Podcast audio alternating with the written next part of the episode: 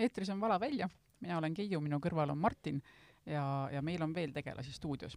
põhjus äh, on selles, et me oleme nüüd äh, usinate äh, Eesti sommeljeede erakooli lõpetanutena otsustanud, et meil on vaja edasi õppida, nii et meil on käsil nüüd selline suvine, võib-olla ka sügisene alasari Vala välja veinikool Viinamarjad, mis saab, no saab teoks põhimõtteliselt koostöös Eesti Sommeljeede Assotsiatsiooniga kes lähetab meile oma parimaid sommeljeesid siia stuudiosse muudkui.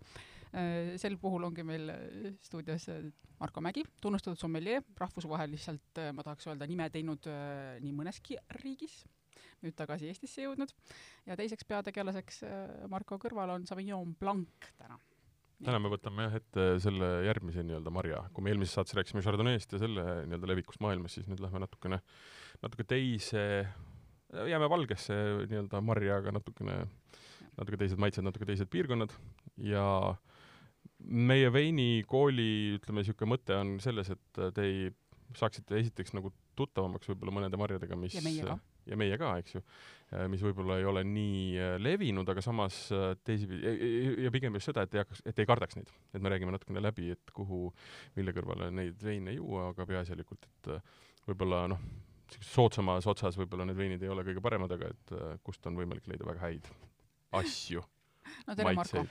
toredat pärastlõunat, suured-suured siirad tänud äh, kutsumast! ja enne kui me hakkame Savignonist rääkima, ma kiidaks teid ka mõlemat, et äh, ikkagi nüüd on Kiida. meie seas äh, siin äh, paberitega juunior sommeljee ja, ja paberitega baaskursuslane. baaskursuslane et äh, ärge muretsege, ma tulen hirmsa hooga järgi. mida suurem teadmiste pagas on, seda, seda, seda ägedamaks läheb ja, ja seda rohkem küsimusi ka tekib, et, et täna kindlasti lihtsalt äh, teeme natukene veinijuttu ja, ja natukene maitseme ka. Marko, ma palusin sul alustuseks, äh, nii nagu eelmises saates Mikul, ette valmistada kolm, ütleme siis, niisugust huvitavat lõbusat fakti viinamarja kohta, sedapuhku siis Sauvignon Blanc'i kohta. mis sa leidsid meile? Jaa, kõigepealt võib-olla selline ootamatus, miks veel Sauvignon Blanc on hästi tähtis ja teie, see faktina ei ole tegelikult üldse seotudki tema kui valge veiniga. nimelt on tema üks ähm, lastevanematest siis ka ähm, sellisele üli-ülitähtsale viinamarjasordile nagu äh, Cabernet Sauvignon. et äh, Sauvignon Blanc ja Cabernet Franc on siis tegelikult need viinamarjasordid, millest äh, kunagi tekkis Cabernet Sauvignon, nii et äh, punase veini fännid peavad Sauvignonile ka kindlasti suure-suure äh, tänu ütlema.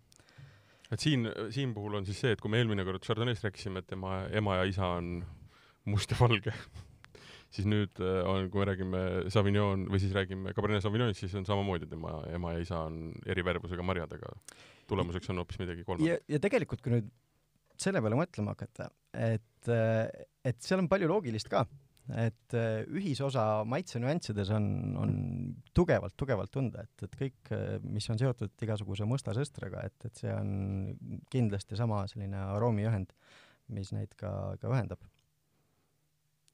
ja rääkides nüüd tähtsatest aroomiühenditest, et, et Sauvignon Blanc on nüüd selline viinamarjus oli sort, mida on võimalik väga erinevalt siis äh, kirjeldada. seda konkreetset terminit mina ise ja oma sommeljeedele ka alati soovitan tungivalt mitte kasutada, sellepärast et on palju, palju ähm, diplomaatilisemaid alternatiive.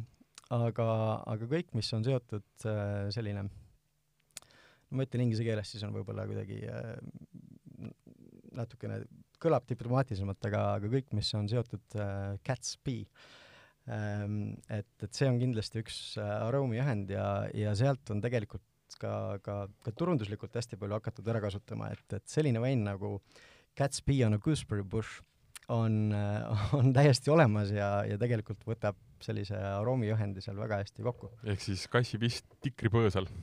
vaat niisugune, niisugune aroom peaks sellest veinist läbi käima. see on turundus. jaa, aga hakkab ju silma ja hakkab kõrva küll, et, et äh, huvi tekib ja siis, kui sa leiadki selle selle lõhna sealt, siis äh, on ju tegelikult kõik õige. aga noh, tegelikult äh, muidugi pigem kasutaks igasugust äh, musta sõstra lehe ja musta sõstra mahla ja sellise pressitud koriandri äh, alternatiive. no veel ikkagi seda tikrit, äh, tikrimahla, tikrimoosi, seda kõike nii-öelda mainitakse ka eesti keeles, eks ju? jah, absoluutselt ja, ja see on tegelikult üks äh, konkreetne lõhnaühend, äh, Pimenta kaheksa diool kolm one, mida kasutatakse tegelikult ka mm, siis ähm, parfümeeria industry's. ja sama, samamoodi ka toiduainetööstuses, et äh, iga kord, kui me midagi musta sõstraga tahame võimendada, et siis seda konkreetset mm -hmm. ühendit seal äh, ka kasutatakse. ja paljudes humalates on tegelikult ka sama ühend. Äh, näiteks äh, Simco puhul on, on noh, kõige selline tugevam aroom ka tegelikult väga sarnane Sauvignon Blancile mm. -hmm. ja võib-olla kolmanda faktina, et jääme ikkagi sinna Marlborosse, et lihtsalt maalida ette see konkreetne suurus, et kui palju on Sauvignon Blanci viinamarja siis Marlboro piirkonnas maha pandud. et ähm, kui Eestiga selline võrdlus teha, siis tuleks kokku panna Tallinn, Tartu ja Pärnu pindalalt ja, ja see on siis konkreetselt selle ühe piirkonna Sauvignon Blanci L linnad siis, eks ju? jah mm.. ma lihtsalt mainin ära, Marlborost me räägime siis uh, Uus-Meremaa, Lõunasaare, mis ta siis on, Kirde, Kirde niisugune tikk, tipp või sagar, eks ju? täpselt. me kunagi rääkisime sellest, et uh, mis, mis põnevad asjad juhtusid maailmas, veinimaailmas aastal tuhat üheksasada seitsekümmend neli. nii Äh, esimene oli, seitsekümmend kolm, vabandust, seitsekümmend kolm jah. et üks asi oli see, et Marlboro piirkond tekkis, siis oli see, et ähm, lisati viies äh, siis Grand Cru Bordeaux äh, nimekirja. Ja sündis te, ka meile tuntud sommelje Aivar Vipper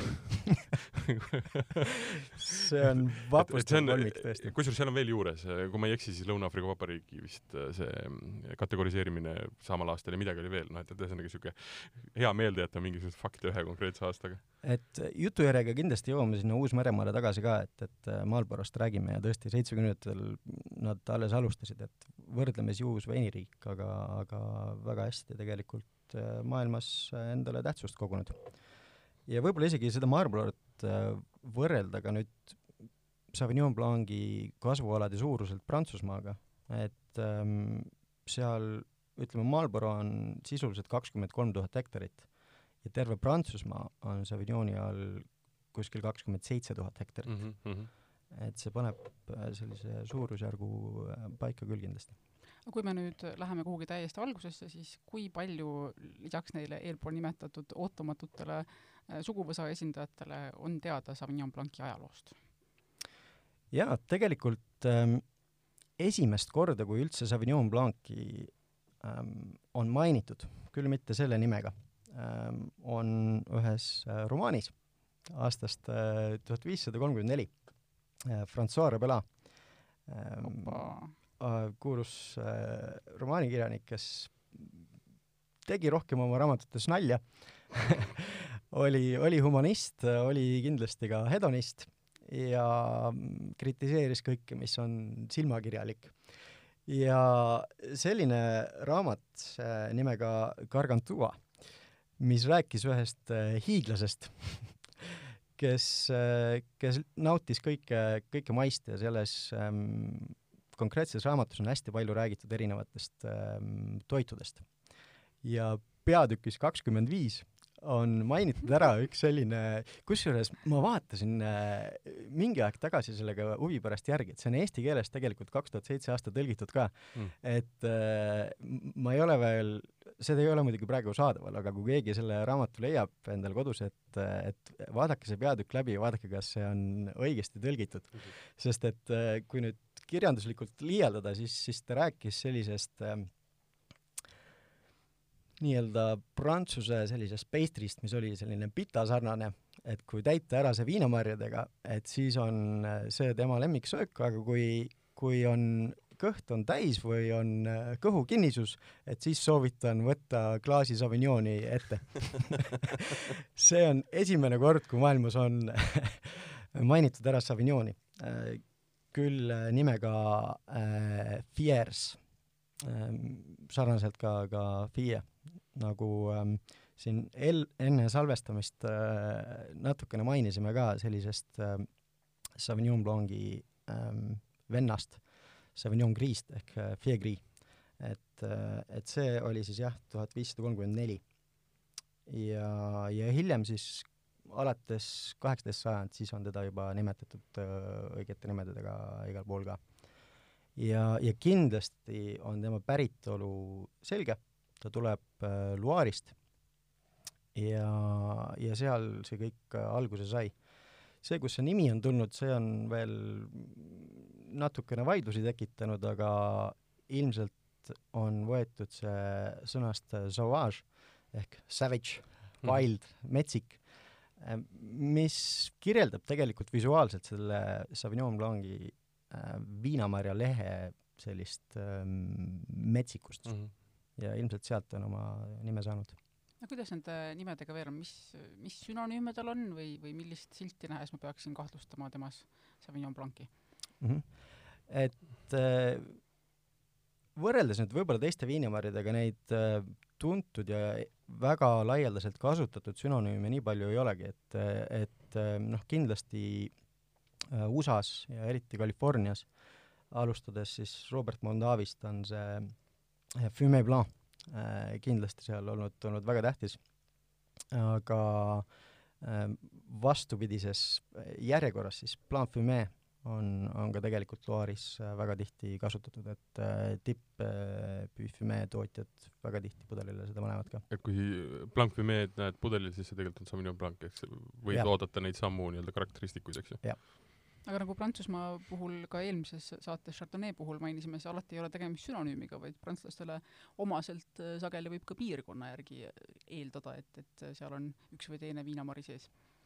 Äh, absoluutselt, küll aga on Sauvignon Blanc kõikide selliste viinamarjade ajaloo üks selliseid äh, esimesi tuntud äh, viinamarjasorte ja, ja tänaselt ikkagi reaalselt kasutatakse ikkagi, ikkagi seda viinamarja nimena üle maailma ikkagi oma, oma sellise klassikalise nime all. ma ütlen veel seda, et kui te näiteks satute Austriasse või Saksamaale või siis ja pudeli peal on äh, Muscat Silvaner, siis äh, põhimõtteliselt sama, sama toode leiate, asute Moldovas ja lähete poodi ja hohoo, siis äh, Sautern Maroon näiteks.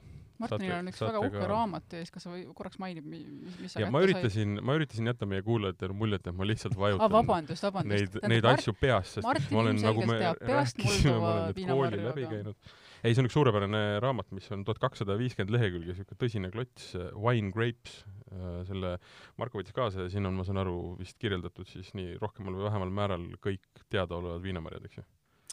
See on Äh, üks põnev jah., põnev raamat Nende, nende sünonüümid, nende nii-öelda mm. ajalugu ja, ja erinevad äh, piirkonnad, aga pigem selline mitte lõbus lugemine, vaid selline korralik, põhjalik teadustöö, et, et kui, kui sõltub kellele, minul Jaa. on väga lõbus lugemine, ei, see ongi Fännile metsikult, väga äh, lõbus lugemine. metsikult lõbus, et iga kord, kui mingisugune küsimus tekib, siis vastata äh,, siis, siis selle raamatu ma ikkagi lahti teen, et, et see on see on, see on väga-väga hea raamat kindlasti, jah. ma sind veel prantslastega siiski ei jäta, kui Mhm. kui ma ikkagi nüüd seal Prantsusmaal olen noh, ma ikka plaanin muudkui seda reisi, eks ju, siis äh, mis siltide taga ma ikkagi võiksin kahtlustada veel just nimelt seda viinamarja?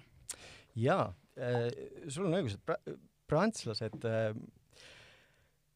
nii-öelda sellise veini kuningriigina on väga enesekindlad, et äh, iga inimene maamuna peal peab ikkagi teadma, et mis külas missugust viinamarja kasvatatakse, et äh, et tõepoolest, et, et võib-olla kõige sellised äh, tuntumad ikkagi on jah, Sancerre ja, ja Puy Fume, mis, mis peavad olema sada protsenti siis valge veini puhul äh, ikkagi, ikkagi Sauvignon Blanc.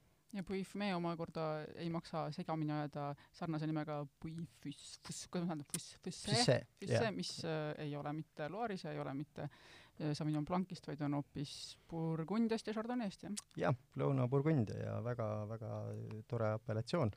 kiitus, kiitus.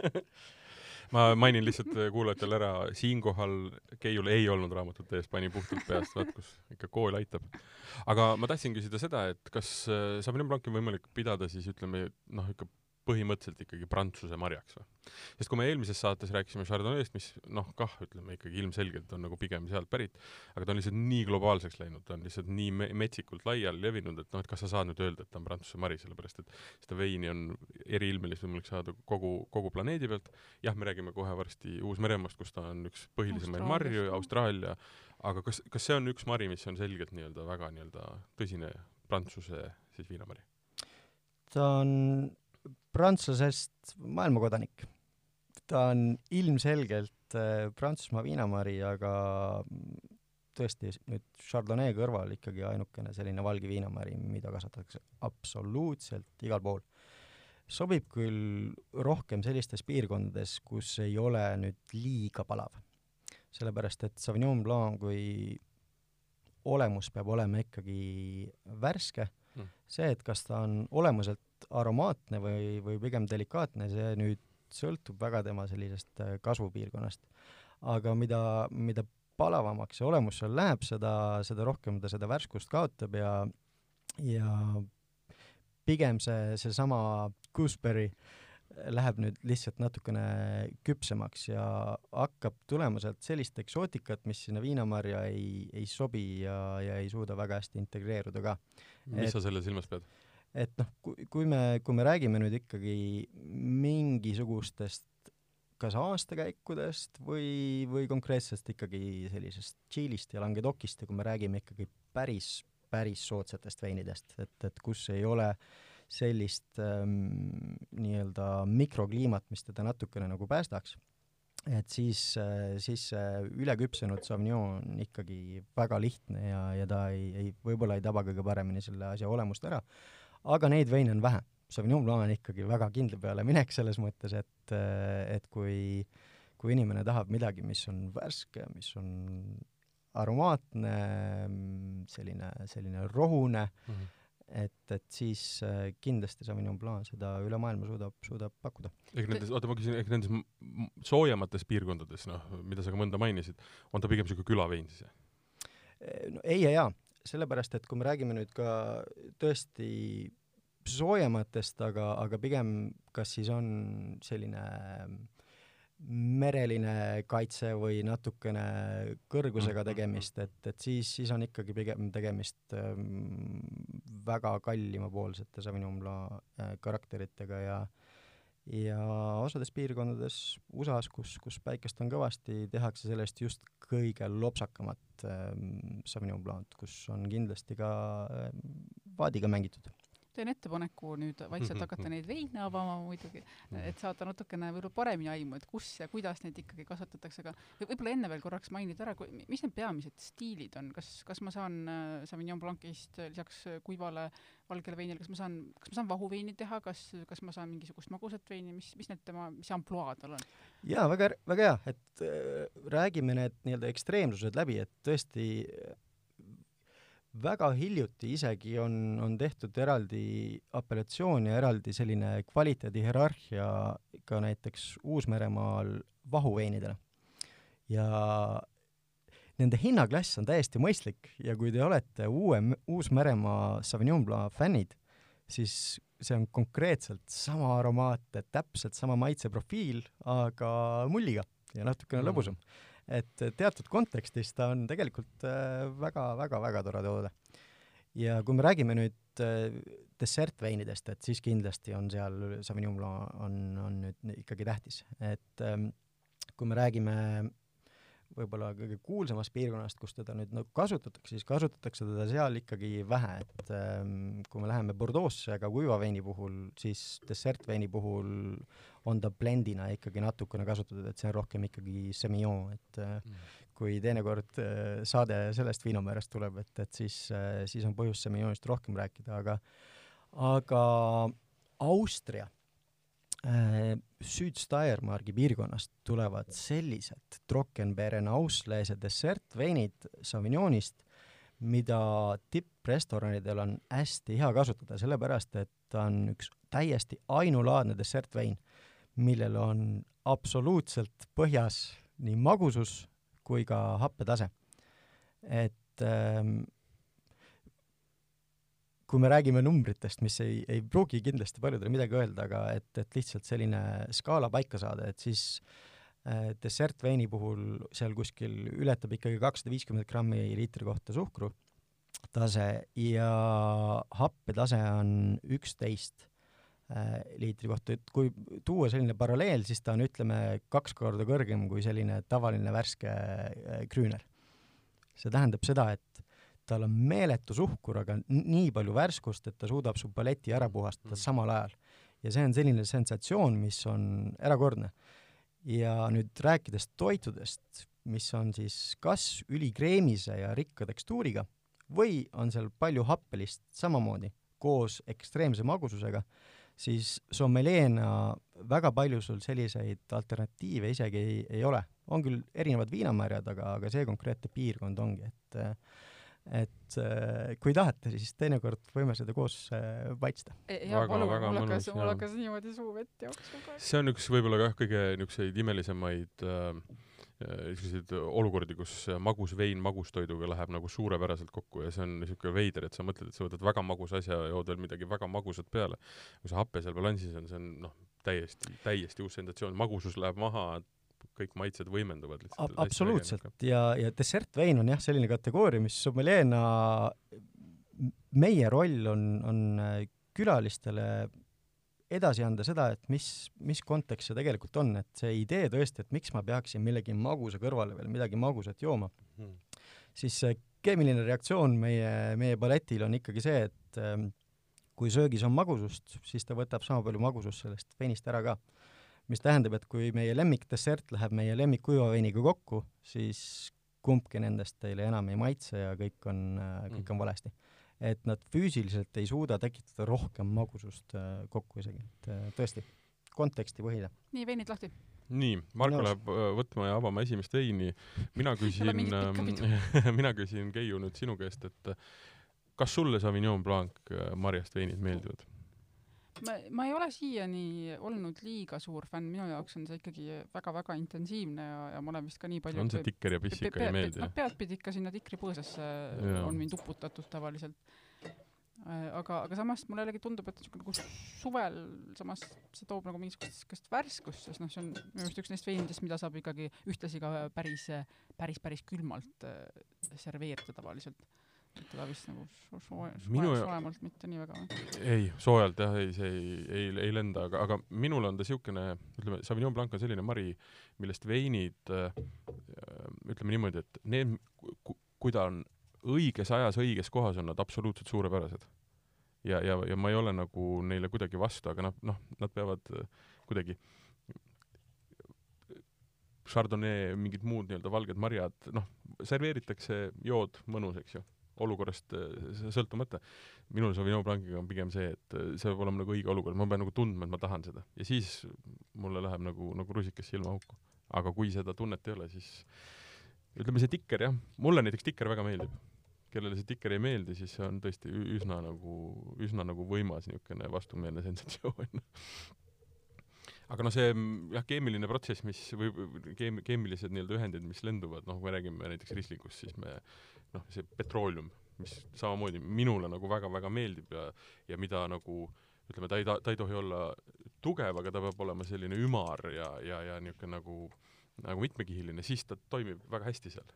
ja, ja sa ei saagi ilma selleta ja no veel mingid ma hakkasin vahepeal mõtlema, et see on, ma olen hirmus halb olnud pime degusteerimises alati mm., aga see, see on üks, üks ainsatest veinidest, mida peaaegu alati eranditult yeah. Äh, tunneb ära yeah., sõltumata riigist, kust ta pärit on tegelikult. Riesling ja Pinot Noir lähevad ikka üsna no Rieslingu võib veel segamini ajada millegagi, kui ta on ikka siuke väga, väga kuiv, aga sa mõtlesid Pinot Noir'd? ei, ma mõtlen, et, et Rieslingut. Rieslingut no,. Rieslingut mm -hmm. ei tunne minu meelest sada protsenti alati ära, aga mm,. jaa nii, esimene vein on valatud välja.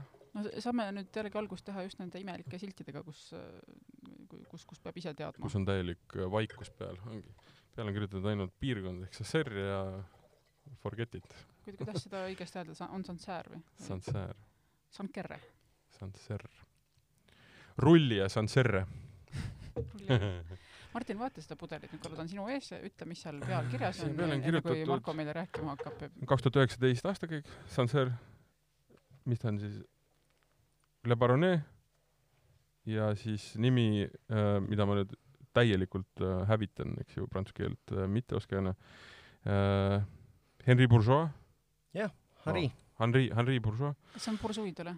Bourgeois'dele jah, appellatsioon Sancerre controle kaks tuhat üheksateist veinid on taas meil üles pildistatud, riputame üles, kuhu saame, nii et saate kõrvale vaadata, kui tundub, et tahaks ise ka proovida.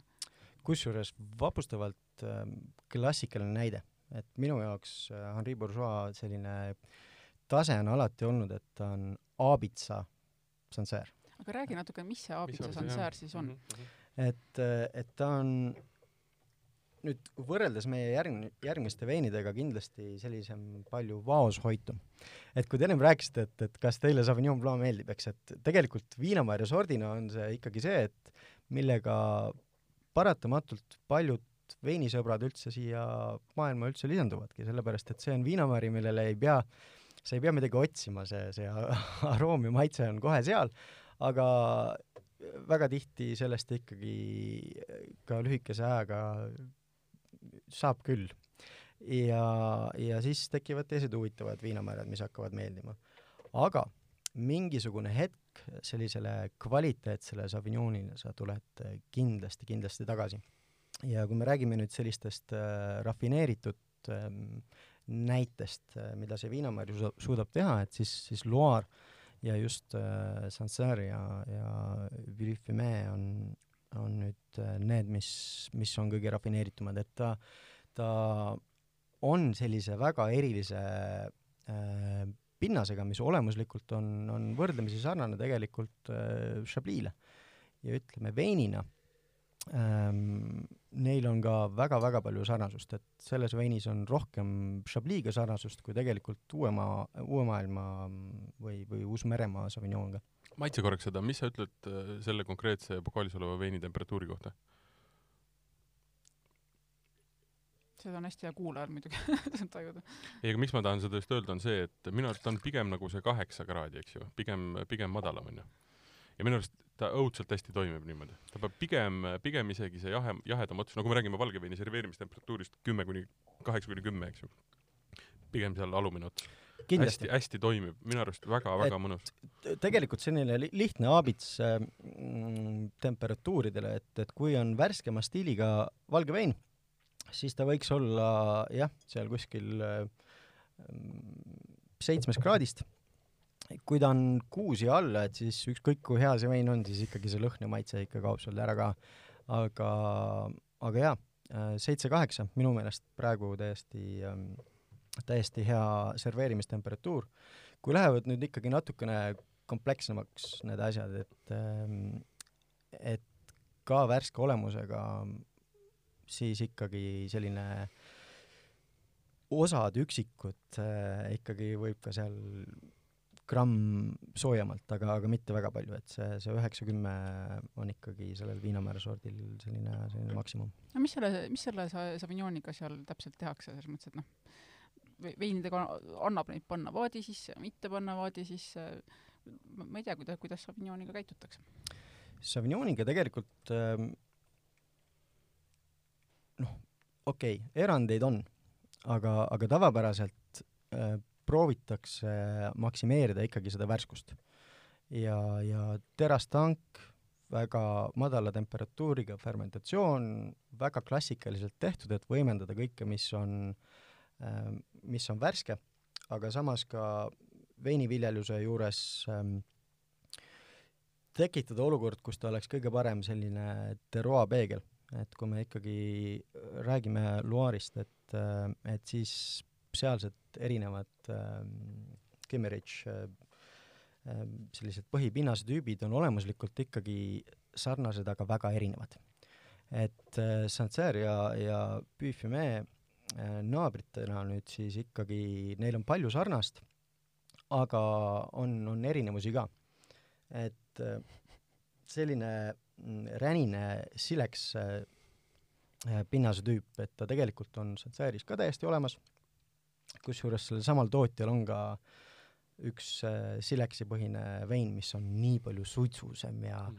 ta on natukene sellisem äkilisema happega ja ja aga, aga see konkreetne vein tuleb äh, pinnaselt äh, Terre Blanche, mis äh, mis on olemuselt see, et ta visuaalselt, äh, kui ta on kuiv, on ta täiesti valge.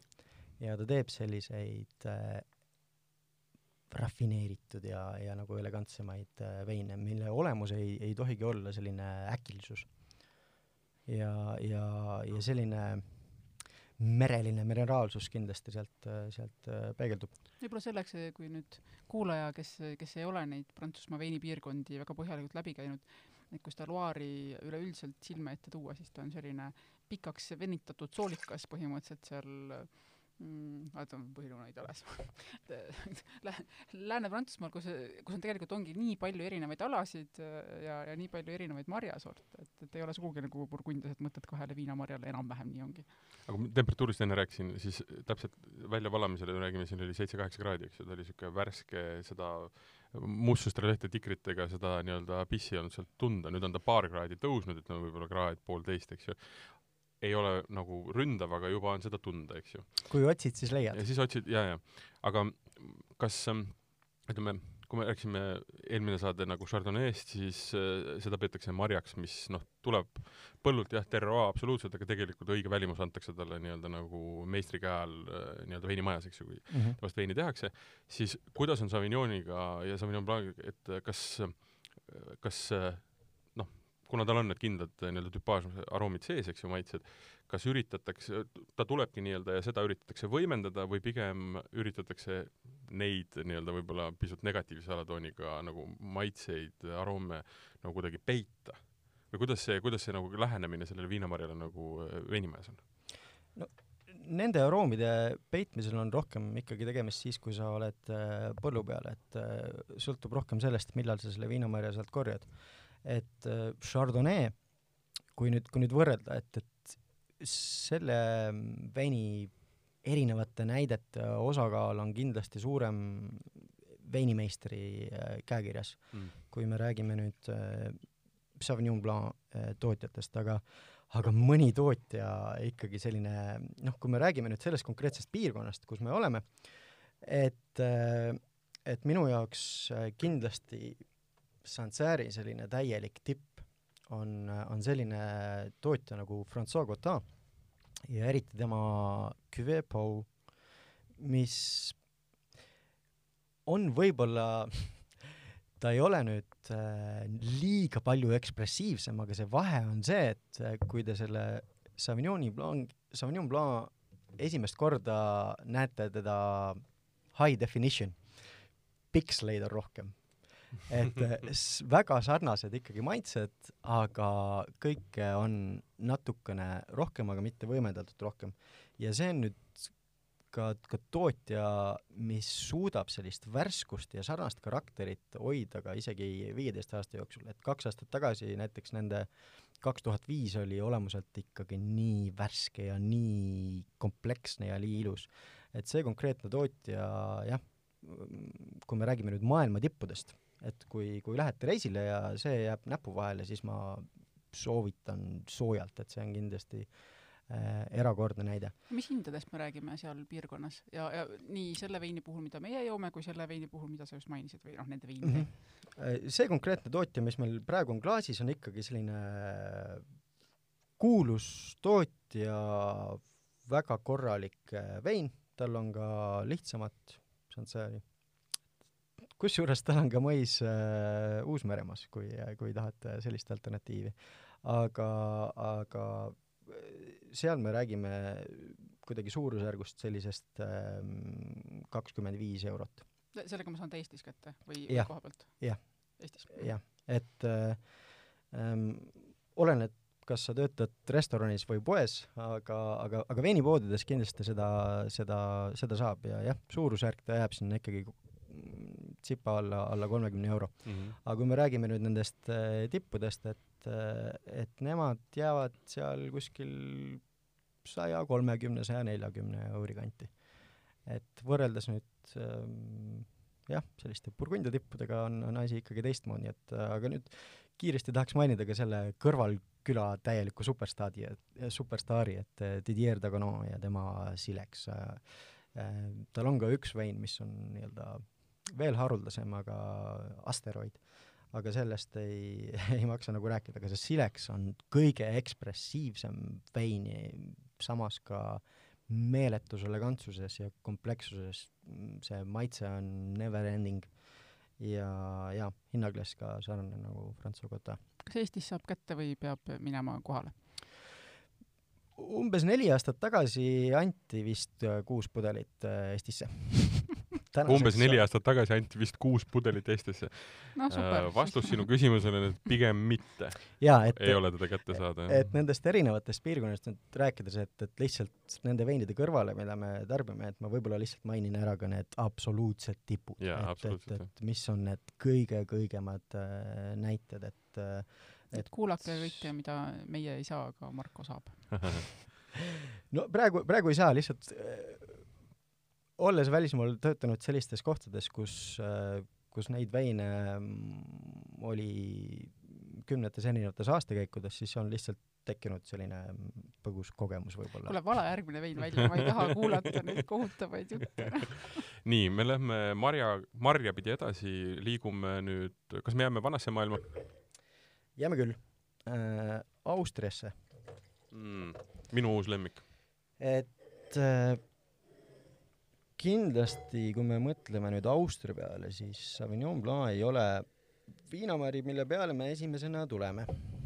aga seal nüüd lõuna äh, piirkonnas äh,, Steiermargis äh,, eriti just äh, Süd-Steiermargis, et nendes nii-öelda see Alpi lähedus ja, ja meeletud ähm, nõlvad, et nemad on tuntud just oma Sauvignon Blanc äh, poole pealt ja ja see tootja Sutlerov oli kindlasti siis selle piirkonna üks pioneere, kes hakkas tegema selliseid ühe küla põhiseid äh, veine, samal ajal kui, kui ülejäänud Austria mehed veel antifriisiga veini tegid, siis nemad juba tegid natukene tõsisemalt seda asja. antifriisi lugu on väga põnev lugu. kaheksakümnendate Austria. Ja paljud teised kujutad ette, noh, kujutad ette aga see on ikkagi Austria veiniriigina nagu, nagu suuresti päästnud ka, et see oli parim asi, mida nad, mis nendega juhtuda sai. kõrval, kõrvalmärkusena võib-olla tasub, kas, kas hästi kiiresti räägid, mis see lugu oli?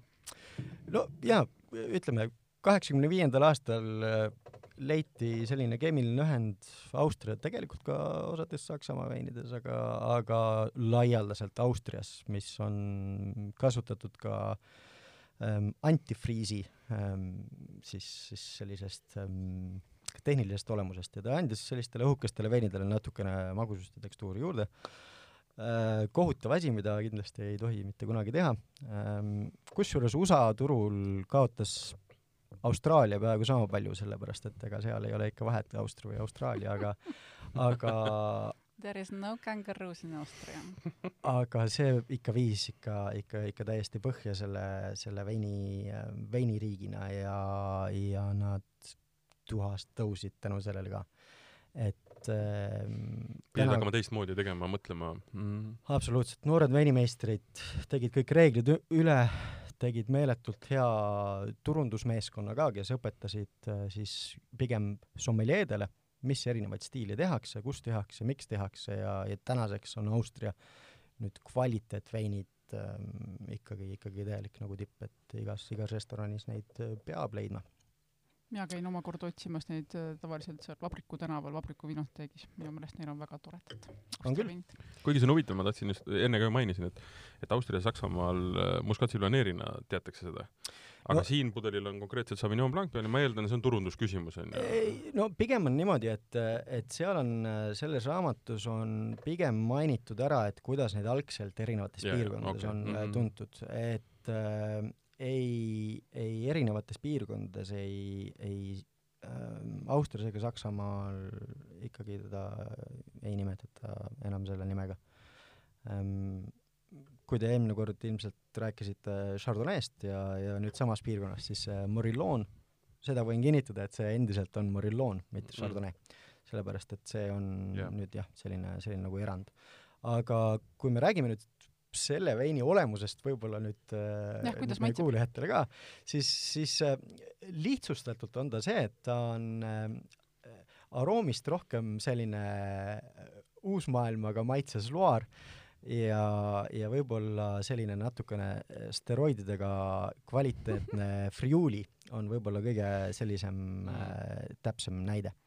et kindlasti väga värske, aga endiselt väga, väga aromaatne väga äh, mineraalne ja, ja väga-väga kvaliteetset aga nii, nii hullult veel põõsaga näkku ei saa, kui, kui jah, aga, aga, aga seda, seda sellist äh, lõhnaühendit on kindlasti rohkem kui, kui eelmises veinis.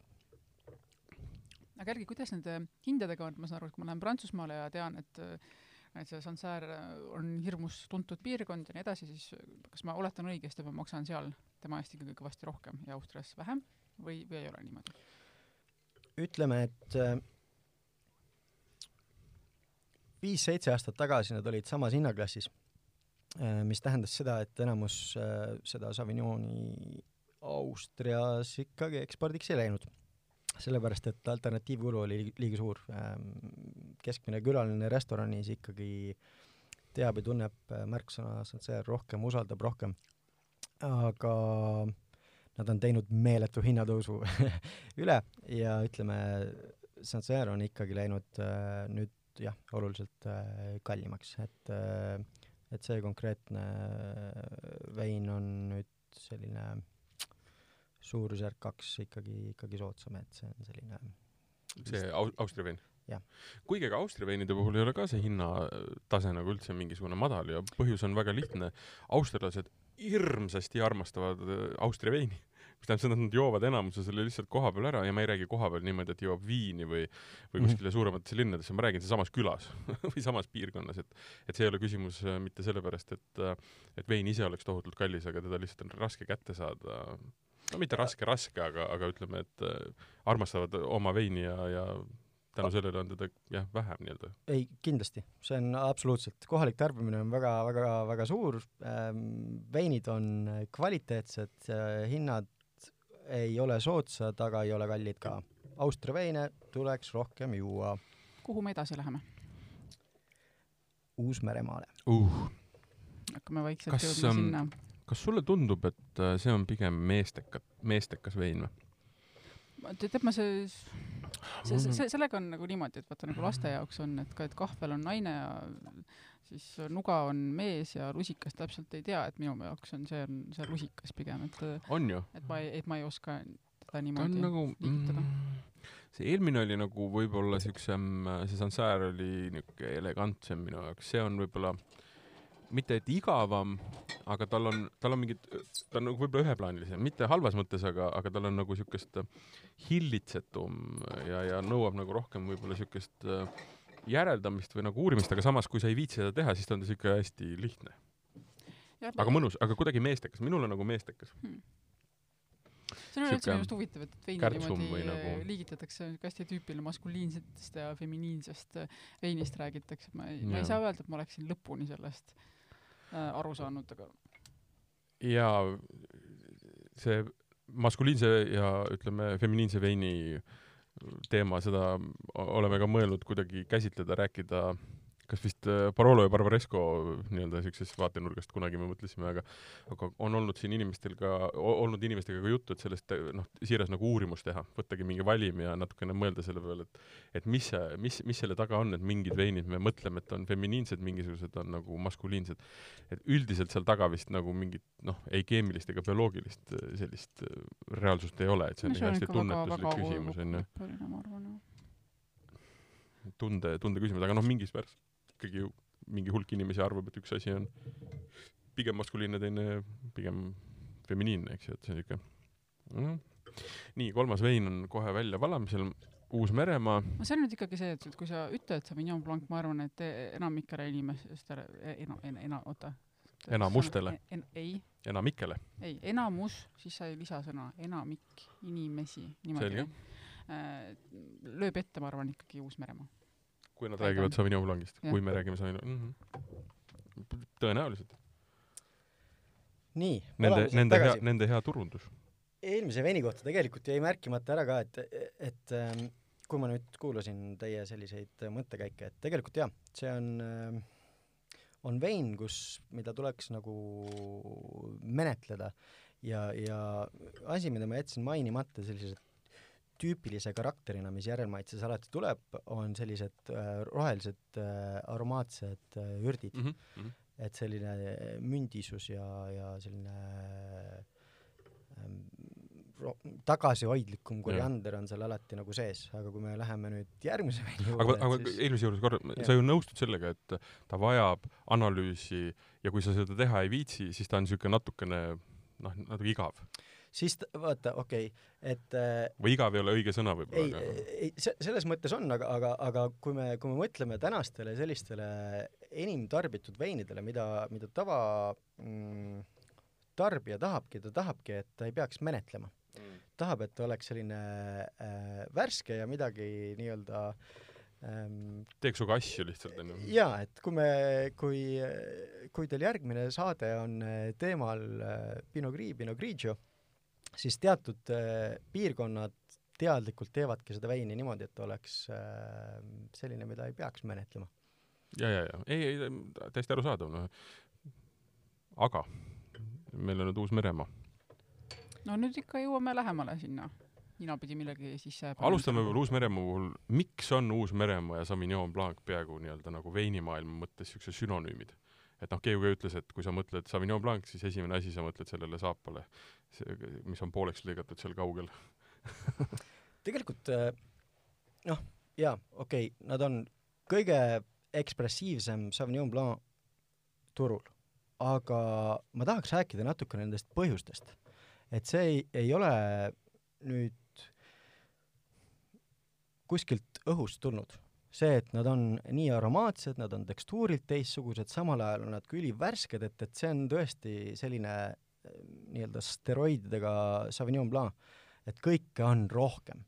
aga kuidas nad selle saavutavad, et, et tegelikult nende need sisekasvualad seal Marlboros on, on, on äh, väga erineva karakteriga. et ähm, et seal on kolm sellist äh, põhi sisekasvuala Vairo Valley mis annab pigem selliseid tekstuursemaid veine, aga oleneb, äh, kui kaugel sa sellest Cloudy Bay lahest oled, seda, seda, see värskus seal ka varieerub, siis äh, Southern Valley annab pigem sellisemaid äh, aromaatsemaid äh, veine ja Avatere Valley annab noh, rohkem sellist äh, puhast äh, värskust. ja nüüd erinevad tootjad, neil on kogu selle meeletu piirkonna peale äh, nii palju erinevaid äh, põlde, mida nad, see on nüüd ainukene selline ähm, tavatarbevein, kus segatakse täiesti erineval ajal korjatud viinamarja oma, omavahel ära. et kui sa ühest sisekasvualast, mille, mille selline tippkarakter on, on see puhas värskus, siis seda võimendatakse sellega, et ta korjataksegi ära isegi liiga vara.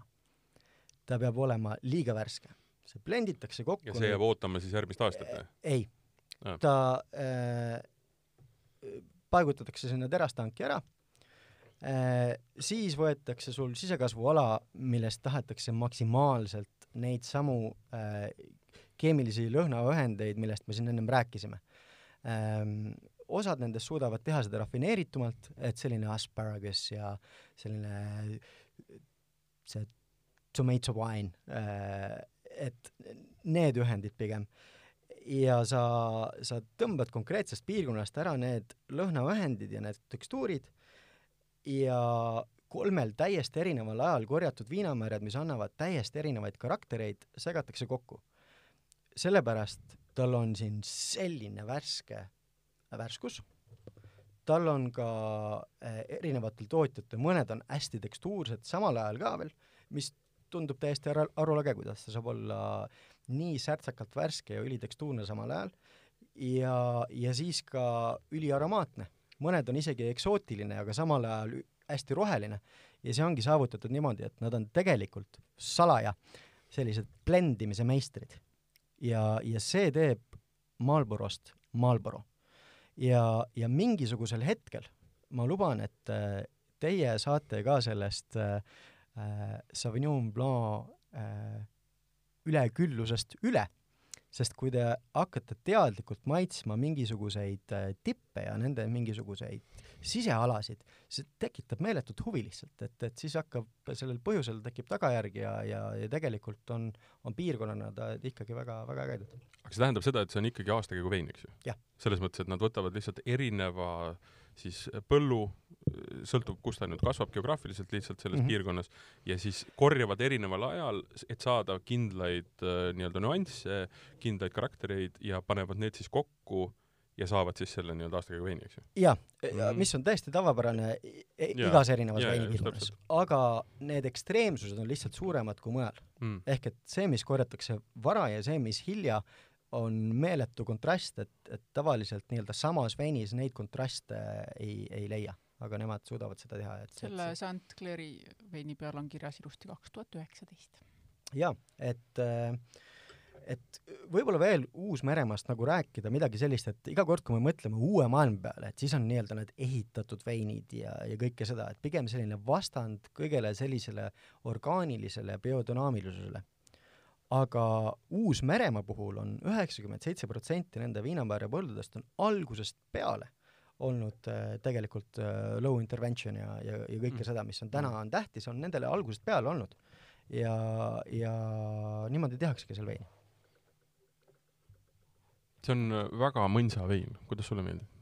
noh, ma jään selle juurde, et minu jaoks on ta päris, päris intensiivne ja mhm. ta, ta ei ole minu esimeste valikute hulgas, aga mitte sellepärast, et, et temaga asjas iseenesest midagi valesti oleks, vaid see lihtsalt ei ole minu lemmikstiil yeah.. aga mm -hmm. ma vahel ütlen, et kes tahab tähistada äh, Sauvignon Blanc'i millegi, siis kõige parem aeg selleks on kolmas mai, mis väidetavalt on rahvusvaheline äh, Sauvignon Blanc'i teepäev kolmas ja... mai, jah mm, -hmm. mm, põnev. miks seda ma ei tea. ja kolmas mai oleks jumala mõistlik proovida ära ka noh, justkui kui satute sinnakanti või satute näiteks äh, Londonisse või New Yorki, võib-olla väga palju kuskil mujal seda tootjat isegi nii laialdaselt ei, ei leiagi.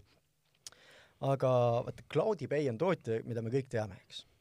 aga nüüd seesama seltskond, kes kunagi Cloudy Bay nii-öelda üles ehitas, omanikud, veinimeistrid, tänaseks enam seal ei tööta küll aga nad omavad neid äh, viinamarjupõlde, mida nad edukalt Cloudibay'le lepingu kohaselt edasi müüvad, küll aga jätavad osa endale. jah, ma just tahtsin öelda midagi nihverdavad omale ka. väga, väga ägedaid veine, et, et need on nüüd sellised kõige, ta on endiselt väga Marlboro et sa tunned ta ära, aga, aga need on nii tõsised veinid, et, et võib-olla lihtsalt selliseks kontrastiks äh, sellistele kuulsamatele nimedele, et see Dog Point on, on Top selline point. maja, mis on, kui me räägime sellistest äh, erinevatest maailma tipprestoranidest, et selle Dog Pointi sealt alati leiate ja sellel, sellel põhjusel ka mm. -hmm, mm -hmm, et tal on, mhm. tal on jaa meeletu lugu ja meeletu kvaliteet ka. ja mitte ainult Sauvignon Blanc, vaid nende Pinot Noir ja Chardonnay on ka world class. hoidke silmad-kõrvad lahti. kas ma mäletan õigesti, et meil on üks vein veel? on küll. nii, ja kuhu me nüüd rändame? Bordeaux ah uh,. Uh, uh. Bordeaux. Lippasime tagasi Prantsusmaale. vot, vot huvitav, ma just lootsin, et äkki saab kuskile Tšiilisse minna, sellepärast et Chardonnay saates -hmm. käisime ja no minu jaoks oli seal rohelist paprikat ja ma, ma mäletan lihtsalt, et mingisugust, ongi see äkki, kas, kas ongi Tšiili Sauvignon Blanc juues, noh, see on ikka puhas mingi sihuke keedetud aedviljad ja äh, me olime Prantsusmaal, käisime Austrias, lippasime Uus-Meremaale, nüüd oleme Prantsusmaal tagasi, aga me oleme Prantsusmaa täpselt teises servas ehk et siis Atlandi ääres. ja nüüd Bordeaux on küll see, kus on ju Sauvignon Blanc tegelikult on nagu kõige, no ütleme, kui me räägime Euroopast ja Prantsusmaast, siis see on ikkagi teatakse võib-olla kõige rohkem või no,? kuigi Loari, Loaris on, on ta Lo, nagu Loari ikka teatakse rohkem, aga kui sa tahad äh, ühesõnaga Euroopa kõige kallimad Sauvignonid tulevad pika puuga kindlasti Bordeaux'st. ütleme, see Bordeaux hinna küsimus, sellest võiks ka terve saate teha, selles mõttes, et miks ta niimoodi on kindlasti, läinud. ja see on, on väga, väga, väga tore teema mm. -hmm. aga, aga see ei ole puhas. jah, et äh, tahangi sinna jõuda, et, et tegelikult äh, Sauvignon Blanc äh, nüüd Bordeaux on tavaliselt äh, blend, küll mitte, mitte alati. ja, ja peaaegu alati on teda ikkagi äh, ka, ka vaadis laagerdatud, et see on, see on Bordeaux olemus. et äh, selle konkreetse tootja puhul jah, et ongi Sauvignon Blanc, Semillon ja olenevalt aastakäigust ta seal vahetab, kas on seal äh, Muscadel või mõnikord on isegi Sauvignon Gris äh, seal, seal blendis äh, olnud. pudel on- taas jõudnud Martini kätte, mis sa loed sealt välja? see on Chateau Saint-Marie ja see on kaks tuhat üheksateist, Grand Vin de Bordeaux ja me rääkisime siin erinevatest marjadest, see on Sauvignon seitsekümmend protsenti, Semillon kakskümmend viis ja Muscadel on viis. nüüd äh, vaata, kuna me varem siiamaani olid meil puhtad nii-öelda marjad, eks ju mm, -hmm. oli konkreetne üks mari, siis räägi nüüd äh, lahti see, mis on tegelikult hästi põnev, aga samas hästi-hästi oluline. mis on nüüd, ütleme, Sauvignonist oleme rääkinud, Sauvignon Blanc'ist, et äh, mis on tema nii-öelda karakteristikud, mida sellesse veini nüüd ütleme, Semillon ja siis selle Muscadelliga tahetakse anda? Semillon annab ka väga kõrge happetasemega veine, aga tema, tema tunnetuslik selline happe seisukord on hoopis teistsugune. et ähm, kui Sauvignon Blanc on sellist teravat hapet on nagu rohkem, siis Semillon äh, selline tehniline happetase on, on äh, äh, vähemalt sama kõrge, aga ta suudab seda teha natukene selliselt rafineeritumalt ja, ja Semillon on ka hea viinamäära sort ähm, läbisaamiseks vaadilaagerdusega. ja kõik Bordeaux blendid, kus on tugevam äh, Semillon äh, vahekord, nad on, nad on äh, tekstuursemad ka. ja ja kui sa alguses mainisid, et okei okay,, et vaata, see on nüüd äh, viinamäära sort, et äh, mida mina ikkagi pimedegustatsioonil nagu alati ära taban, eks, Avignon, eks, aga aga noh, kui nüüd ka, ka põgusal vaatlemisel, et, et äh, et kui me räägime nüüd äh, Loari-Orust ja, ja ja, ja siis Austriast ja nüüd siis Bordeaux'st ja USA-st, et tegelikult äh, Sauvignon Blanc viinamarjana on ju natukene keerulisem, kui ta pealtnäha tundub, et tegelikult äh, selle veiniga, noh, mis sa hakkaksid peale alguses? siuke jõuliselt nõutu. kas nüüd on see nõutus steroididel või? et äh, tegelikult on tal meeletult hea kontekst olemas, et see äh, noh, tunnetuslikult on, on ta muidugi endiselt Sauvignon, aga ta on natukene tekstuursem ja, ja tegelikult teatud konteksti on tal, on tal keeruline sellist asendust äh, leida ja Sa tead, hästi, pilt- toredaid veine tuleb sa sealt tead, mis pilt mulle ette tuleb või? mm. -hmm. ta on nagu see, kui äh, viiuldaja mängib, onju, mängib ilusat, ilusat lugu ja sa tunned seda lugu ja siis keegi tõmbab nagu vahepeal tal nii-öelda poognast nii-öelda valesid noote sisse. et see on nagu see, et ma tean, ma nagu arvaks, et see on see vein ja see mari, aga siis keegi on nagu mingisuguse saeb sinna mingit nalja vahele, eks ju. ja mis on, mis on väga põnev, jaa, absoluutselt. aga täiesti nii-öelda ootamatu või, või siuke aga, see on, ütleme, tegelikult Bordeaux siseselt ikkagi see kontrast on ka piisavalt suur, et, et see on veel ikkagi sellises hinnatasemes, mida me kõik lõbusalt äh, nädalavahetusel suudaks menetleda ka eelmiste veinidega väga sarna- sarnases hinnaklassis. Aga kui me räägime nüüd nendest tippudest, mis see on siis? no ongi selline, et kõik siin varieeruvad täna sellisest ähm, viieteistkümnest kolmekümneni, aga see esimene Sancerre oli siis äh, natukene kallim kui, kui teised, aga, aga jah, sellised äh,, see konkreetne Bordeaux on jah äh,, alla, alla kahekümne ähm, hinnaklassis tavaliselt, aga ma mõtlesin, noh, tema ei ole ka see klassikalises mõttes vasakega parem kollas, vaid äh, nende kahe vahepeal Anton de Meer. ja, ja, ja tegelikult äh, noh, kui me räägime sellistest äh, tippkasvualadest ja ütleme ka, et äh, tippnäidetest, et kui me eelmiste ka võrdleme, et äh, kaks sellist kõige tipumat äh, näidet ähm, äh, ja kaks ekstreemselt erinevat blendi on siis ähm, Chateau Margaux äh, valge äh, nimega Pavillon äh,, Pavillon Margaux, mis on iga aastakäik on väga erinev, aga eh, kindlasti kõige kõrgema tasemega sada protsenti Sauvignon, mida mina kunagi maininud olen, et see on sada protsenti Sauvignon, mis on vaadis laagerdatud, ülikompleksne, ülipikaajaline, et et et kolmekümneaastased Sauvignon'd on, on ka sellise tasemega tehtud, et seal ei ole oksüdatsiooni ohtu absoluutselt, väga rikkalikud, väga komplekssed, väga sellised meditatsiooniveinid, aga Haut-Brion äh, valge, see on minu jaoks kõige komplekssem äh, valge, aga, aga seal on kaks kolmandikku on Semillon tavaliselt ja, ja kolmandik on siis äh, sa, sa, sa oled ikka nende kõige vanemate ja uhkemate äh, Premier Crude'i juurde läinud, jah, ammu?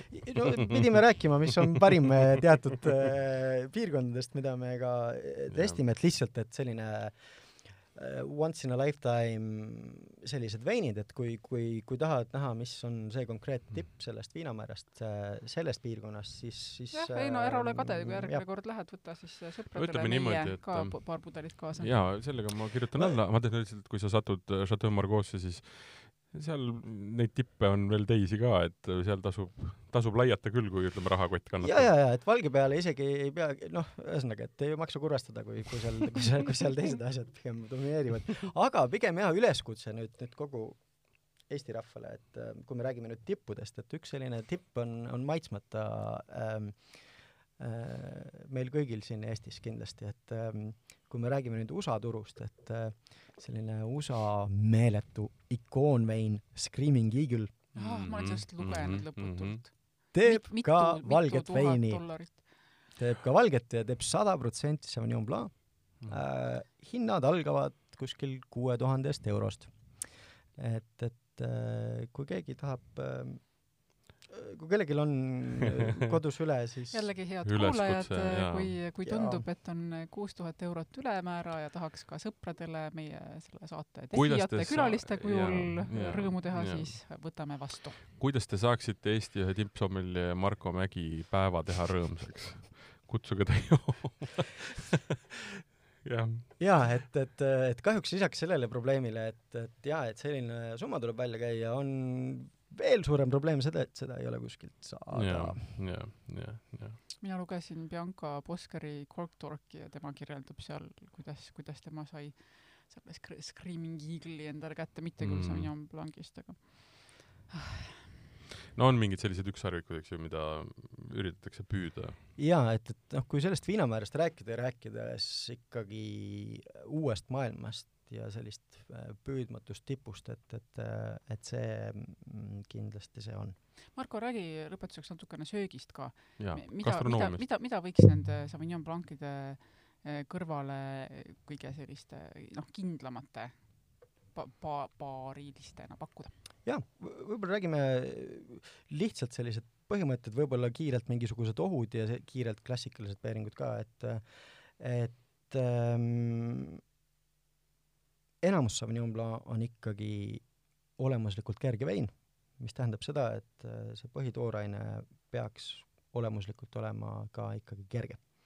et äh, number üks on see äh,. number kaks oht on see, et kui teile ei meeldi põhimaitse mõru, siis tuleks ikkagi ähm, vältida kõike, mis on äh, toidus mõru, sellepärast et muidu need järelmaitses äh, võimenduvad, mis ei tähenda seda, et, et selliste salatitega äh, Sauvignon ei sobiks, sellepärast et sobib ideaalselt.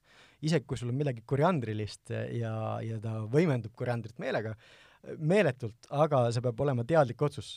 sulle peab koriander väga meeldima, siis, siis ta äh, kümnekord, kordistab selle veel. koriander on selles mõttes hästi simpel asi, sulle kas meeldib või ei meeldi. ja kui sulle nii. meeldib, siis sa tahad pigem, et ta olekski võimendatud, just nii ja, ja, ja see viinamääri seda teeb äh,. aga noh, me ei saa rääkida, et mis on hea match ja mis ei ole, kui sa, kui sulle ei meeldi see, see võimendatus, et siis, siis tuleks just vastupidi eemale hoida.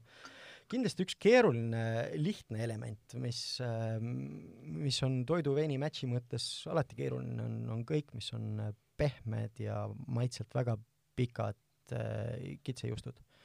eriti kui me läheme Loari ja nende päris, päris selliste püsside juustude kõrvale ja just, just nende pehmetega, et siis ähm, värske Sauvignon Blanc pole midagi paremat, sest nad on, nad oma pikkuses on väga võrreldavad, neil on sarnaseid maitseelemente, sellist rustikaalset värskust on mõlemal nii palju, et nad tekitavad väga ilusa sellise sümbioosi küll. sa mõtled maitse, maitse pikkuses siis on ju? maitsepikkuses äh, ka, et, et, et noh, seal on see oht ka, et, et kõik, mis on tekstuurilt kreemine, et äh, vein peab selline kolmandik kuni pool oma, oma värskusest ja oma happetasemest ära ohverdama, et sellest läbi minna, mis tähendab seda, et ta võib maitses lühikeseks jääda, aga, aga need konkreetsed veinid suudavad selle, selle ilusasti äh, üle elada. ja kui me läheme nüüd äh, USA või siis Bordeaux poole, et, et, et siis on jällegi sellised äh, natukene tekstuursemad põhitoorained, et kui me räägime siin kas või meie enda mingisugusest äh, angerjast näiteks, et, et selline äh, Oaki Sauvignon, mis on olemuselt ka värske, kuigi ta on väga suutunnetuslikult sama selline õlisus on seal, seal ka nagu olemas, match'ina väga ägedad asjad äh,. ja kindlasti, kui, kui tegelikult selline klassikaline pairing äh, ka, ka teinekord forelliga on Sauvignon, siis mina soovitaksin pigem selliste äh, tekstuursemate Sauvignonidega, sellepärast et tal on küll piisavalt värskust, et sellisest rasvasest mingist mm -hmm. forellist nii-öelda läbi minna, aga nad on ikkagi olemuslikult öö ja päev, et, et üks on tekstuurne, üks on, üks on kerge ähm,. aga Sauvignon Blanc veinina suudab vaadilaagerdusega tekitada ikka olukorra, kus ta on nii värske kui ka tekstuurne ja, ja, ja, ja seal kontekstis on ta väga-väga-väga-väga tore. ega ütle veel seda ka, et kui nüüd Sauvignon Blanc hakkab hirmsasti meeldima ja aga tahaks edasi vaadata, siis mis on need esimesed marjad või mille, mille poole võiks järgmisena vaadata?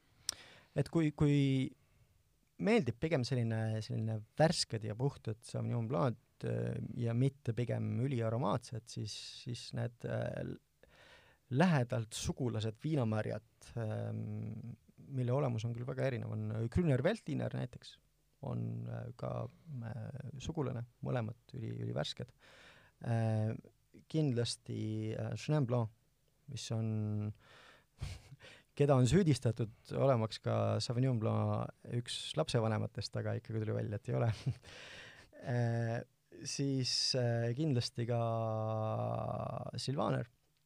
aga kui meile meeldivad nüüd sellised aromaatsemad veinid, siis Argentiinas on üks selline hästi-hästi tore viinamarjasort nimega Dorantes. Mm -hmm, äh, nad on mõlemad hästi kerged, mõlemad hästi aromaatsed, nad, nendes on hästi palju sellist äh, ühisosa kindlasti, et äh,, et võib-olla need oleks sellised põhiviinamarjad, mida ma soovitaksin.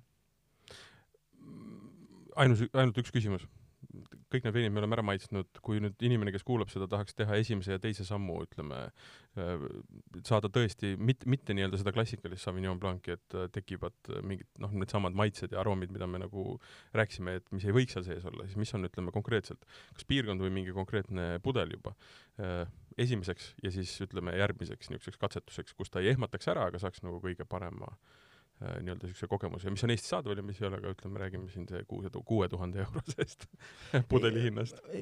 ma arvan tegelikult, et see, see konkreetse samm nüüd nendest klassikalistest ja eriti Uus-Meremaa äh, Sauvignonist astuda üks, harjutada ennast natuke oma, natukene sellist vähem aromaatsemate äh, veinidega, kus, mida tuleb natukene siin menetleda ka, et et ei, ei tasukski üle mõelda, et, et äh, Loari äh, või Austriasse või Friulisse, et see on see järgmine mm -hmm. samm ja, ja kui see hakkavad ühisosa tekkima, et, et siis need paralleelid juba lähevad nagu väga laiaks okay,, et, et okay., et, et see, et äh, Uus-Meremaa Sauvignon toob veinisõpra sõpru meile juurde iga aasta nii, nii, nii palju.